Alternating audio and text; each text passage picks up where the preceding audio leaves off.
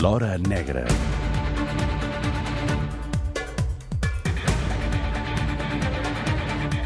Maica Navarro, bon dia i bona hora. Què m'has portat? Res, uh, no, no, no he explicat on he anat. He fet vacances i prou. Sí, A Maica, la incineradora que vas. sí. Doncs mira, estan de moda últimament. Tot bé o no? Sí, Prova bé a la Maica? teva ausència alguns hem patit grips.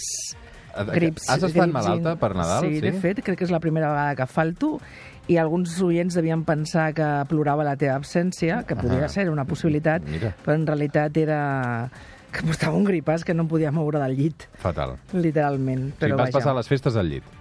No, no, no, no, no. Vaig passar les festes treballant, mm. perquè no vaig fer festa, però 48 hores la Miranda em va tenir lligada al llit perquè és que no, no era capaç de bellugar-me. Una cosa important. Escolta'm, els Reis d'Orient t'han portat una trituradora?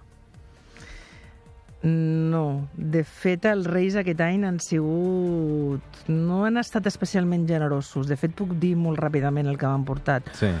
Un, a casa de l'Olivia, ella va fer la carta als Reis, va demanar un nòvio per la tieta, no sé per què, però em això? van portar una ampolla de... De fet, tampoc jo el volia, però vaja.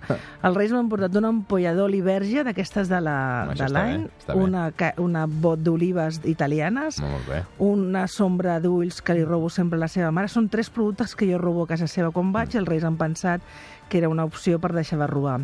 I a casa del Carlos Aparicio m'han portat un unicornio molt maco per posar a l'estanteria, Ahà. una planta molt xula i, i un buf que m'ha fet la seva germana, la Pili, així per anar amb la moto. Mm. Res més, o sigui que si algú, els Reis, està encara per aquí Sí, home, aprofita els llançant, micròfons de la ràdio pública, endavant, sí. Uh, doncs jo sóc...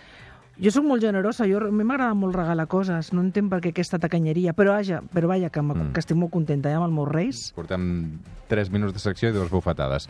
Uh, va, et preguntava si, si, si t'havien portat alguna trituradora, perquè aquesta setmana, de fet, hem sentit a parlar de coses com aquesta.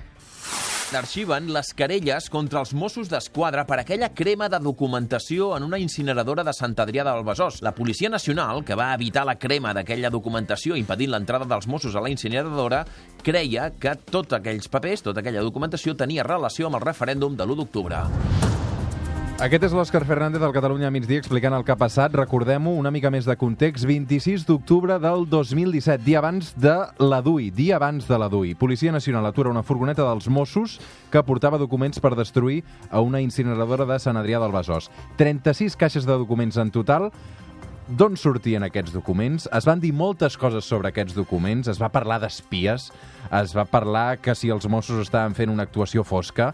Um, recordem aquests documents que eren i, i ara expliquem el desenllaç que ja és conegut. És molt important eh, explicar fins i tot aquell moment, aquell matí del, del 26 d'octubre, perquè com molt ben deies, eh, surt d'Egara, del complex central d'Egara, que està a Sabadell, una furgoneta blanca no logotipada, és a dir, no tenia la, no era recon... no, no, visiblement no es podia reconèixer que pertanyia a la policia, surt d'Egara i direcció a la planta incineradora de Sant Adrià. Els Mossos tenen un conveni amb aquesta incineradora en què de, de, i d'altres policies també per la destrucció de, de documents. Cada, com, cada comissaria de, de Mossos funciona, té una, una manera de funcionar. La comissaria d'informació, per la complexitat i, i el nivell de secretisme i, i, i confidencialitat de molts dels seus documents, els agents hi ha una prohibició d'imprimir papers.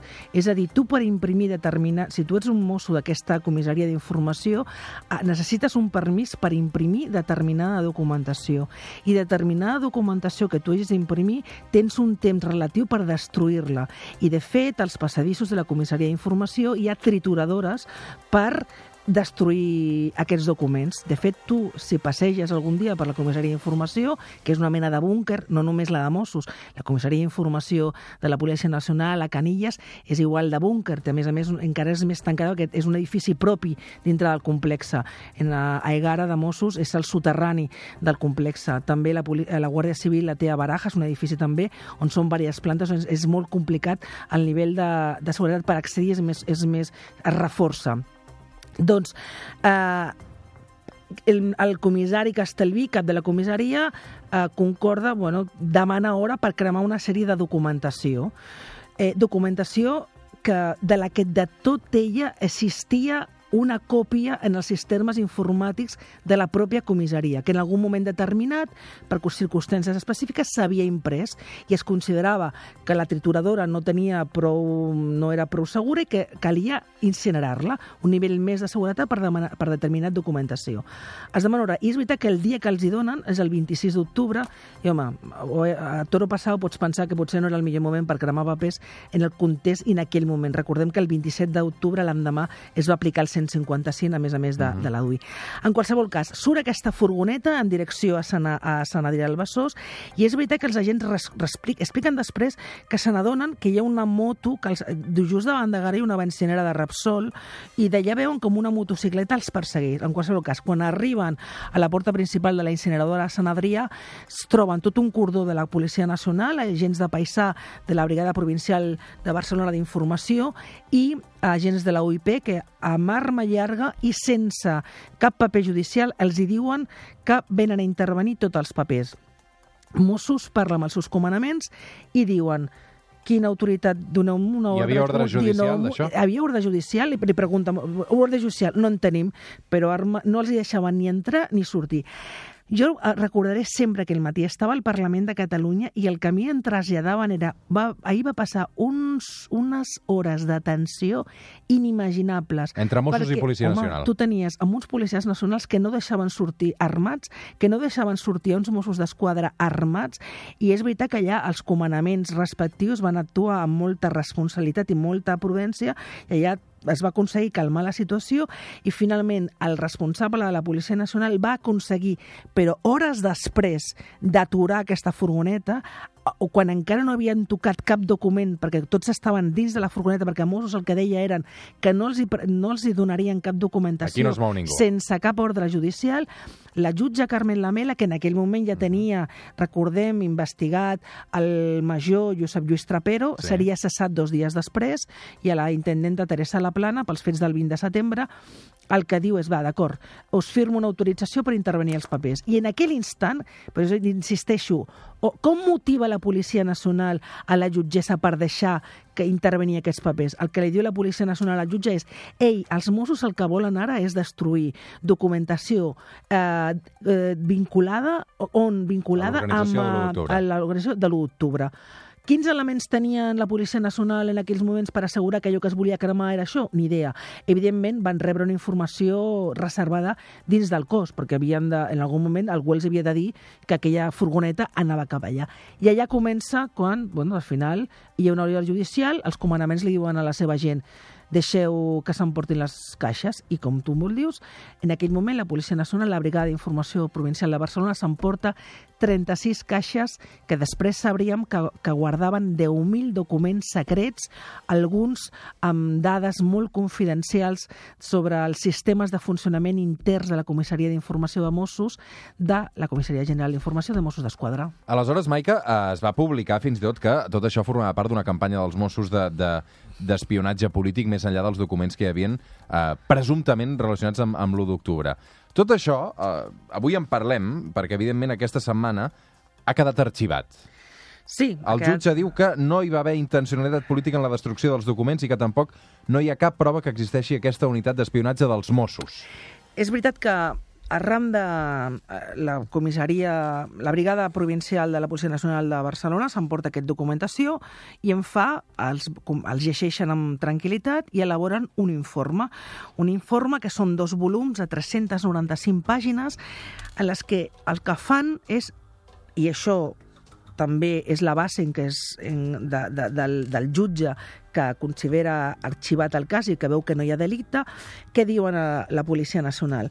Bueno, el que treu, la conclu treu con diferents conclusions. Vàries, les més eh, cridaderes, és bàsicament que Mossos d'Esquadra tenia al seu servei una mena d'unitat secreta d'espionatge, una mena de gestapo, amb recursos il·legals, eh, fora de tot control judicial, que es dedicava a treballar pel, pels procés i que, es, i que la seva motivació informació era únicament política i que, per aquestes raons polítiques havia fet seguiments i havia fet informes sobre doncs, eh, lletrats, reconeguts lletrats, polítics, periodistes, fins i tot algun sindicat, de, algun responsable sindical dels propis Mossos d'Esquadra, i tot allò motivat per motivacions polítiques.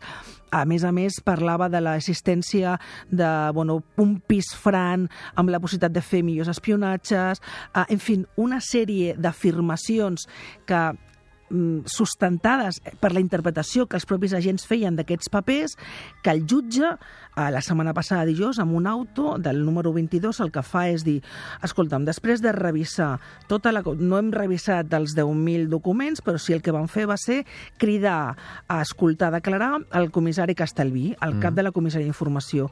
En dues ocasions, durant 18 hores, el vam, ser, el vam, fer, el vam sentir i les explicacions que ens va donar de tot allò que deia la Policia Nacional, desmuntant punt per punt totes les acusacions, ens han convençut. I, per tant, creiem que tots els documents que es volien cremar són legals, que tota aquella informació que contenien aquests documents es va obtenir de manera legal i que, per tant, la seva destrucció era legal.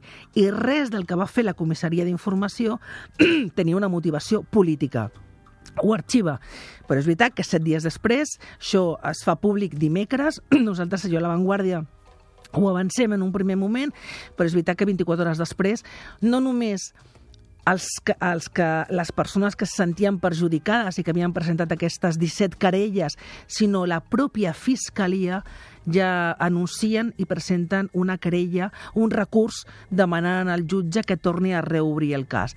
És a dir, Uh, la, en fi, uh, per, per l'organització és, una, és un nou cop de puny en, en tota la cara, perquè eh, bueno, la Fiscalia entén ara que s'ha de tornar a mirar el cas. I sorprèn i a mi em sorprèn el recurs que ha presentat la Fiscalia, o sigui que els afectats, la gent que, que els noms apareixien a, en, els, en els informes dels Mossos i que entenen que les explicacions que ha donat Mossos per la seva presència en aquests informes no són convincents i que consideren, insisteixen en que se'ls van fer seguiments per motius polítics, han presentat un recurs, ara correcte, i a més a més estaven en plaç per fer-ho. Però clar, el paper de la Fiscalia Mossos d'Esquadra, abans de que es presentessin les querelles i, i en vista i davant la possibilitat de que es presentessin querelles contra ells, encarrega un comandament de la Comissaria General d'Informació el que es va anomenar un contrainforme, un contrainforme per detallar punt per punt el significat de la, dels papers que els entenien més importants, eh, més importants, cas sí. per cas, en, en què consistia. Doncs bé, doncs aquesta, aquesta, aquest informe de, de Mossos d'Esquadra s'entrega a la Fiscalia, a la Fiscalia General de Catalunya, i la Fiscalia posseix aquest informe des de fa, doncs des de l'abril de l'any passat, i des de l'abril de l'any passat no ha encarregat cap mena de, de... En fi, no, no, no ha demanat absolutament res. O sigui, no ha motivat cap investigació paral·lela, ni ha obert cap diligència. O sigui, va entendre que, no, que les explicacions que li havia donat Mossos en aquest informe eren bones. Hòstia, però ara, fixa't per on presenta un recurs eh, davant aquesta absolució de, que ha presentat el jutjat de, de Barcelona. Eh, a veure, Aquí... Mm, tu estàs passant bé, veig, Maica? No, no m'ho passo bé perquè, mira, jo sóc de les, que, de les periodistes que considera que des de fa massa temps, i especialment això jo que va començar el, després, de la, després dels atentats de Barcelona, de la manera que Mossos va gestionar eh, els atentats de, de la Rambla i de Barcelona i de Cambrils. Mm, després d'aquestes de, actuacions i després ja de l'1 d'octubre, la campanya orquestrada per desacreditar i desautoritzar el col·lectiu de Mossos d'Esquadra ha arribat a uns nivells d'un todo vale que són absolutament inacceptables. Els Mossos tot això els hi va enganxar en ple 155, quan la Brigada de Policia Nacional de Barcelona tenia les caixes, Mossos estava sota la tutela del Ministeri de l'Interior. Aquí hi havia una persona, que era un delegat del Ministeri de l'Interior, i el comissari Ferran López, que era qui es va nomenar per substituir el major Trapero mm -hmm. al capdavant dels Mossos, va anar en reiterades ocasions a Madrid a donar determinades explicacions per temes molt concrets. I ell va explicar personalment el que en aquell moment era el secretari d'Estat de Seguretat, el senyor Nieto, el que hi havia a les caixes. El senyor Nieto va entendre perfectament que ja no hi havia res. Entre altres coses, i la conclusió de que ell va entendre que ja no hi havia res és que tot i que durant molt de temps alguns mitjans de comunicació van assegurar que el comissari d'Interior se'l el cessarien pel contingut d'aquestes caixes, no es va tocar absolutament a ningú de la comissaria d'informació. A dia d'avui, el comissari Castellví que ja abans dels atentats tenia un projecte personal d'anar a la segona activitat i donar un pas enrere a la seva activitat policial, ho va ajornar per aquesta querella i aleshores que ara la Fiscalia presenti un recurs que, evidentment, el Ministeri Fiscal està per tutelar els drets de tothom, però amb les explicacions que dona el jutge, amb les explicacions que va donar el comissari, amb les explicacions que donen aquest informe, donant, contextualitzant cada un dels papers de, de què havien aquestes caixes, que s'insisteixi en que Mossos tenia una mena d'allò de gestapo a les ordres dels polítics, Mossos d'Esquadra no són millor que cap policia, però tampoc són pitjor que cap policia.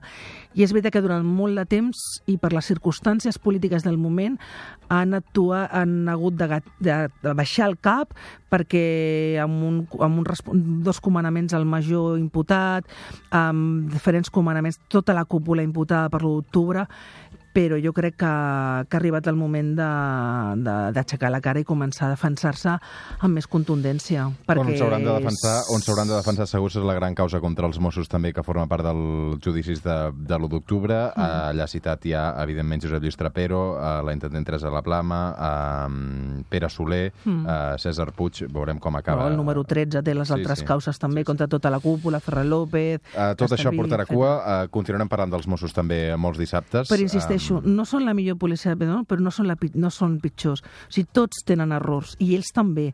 I aquí estem els periodistes i la societat principalment per fiscalitzar la feina que fan. I quan ho fan malament, però clar, d'això a, a crear històries i pel·lícules d'espies de, és sense aportar ni una prova més que un paper que tu interpretes, ostres, Maica Navarro, uh, que tinguis un bon dissabte. Retornem dissabte que ve, eh? Ànims. Pausa i tornem al suplement.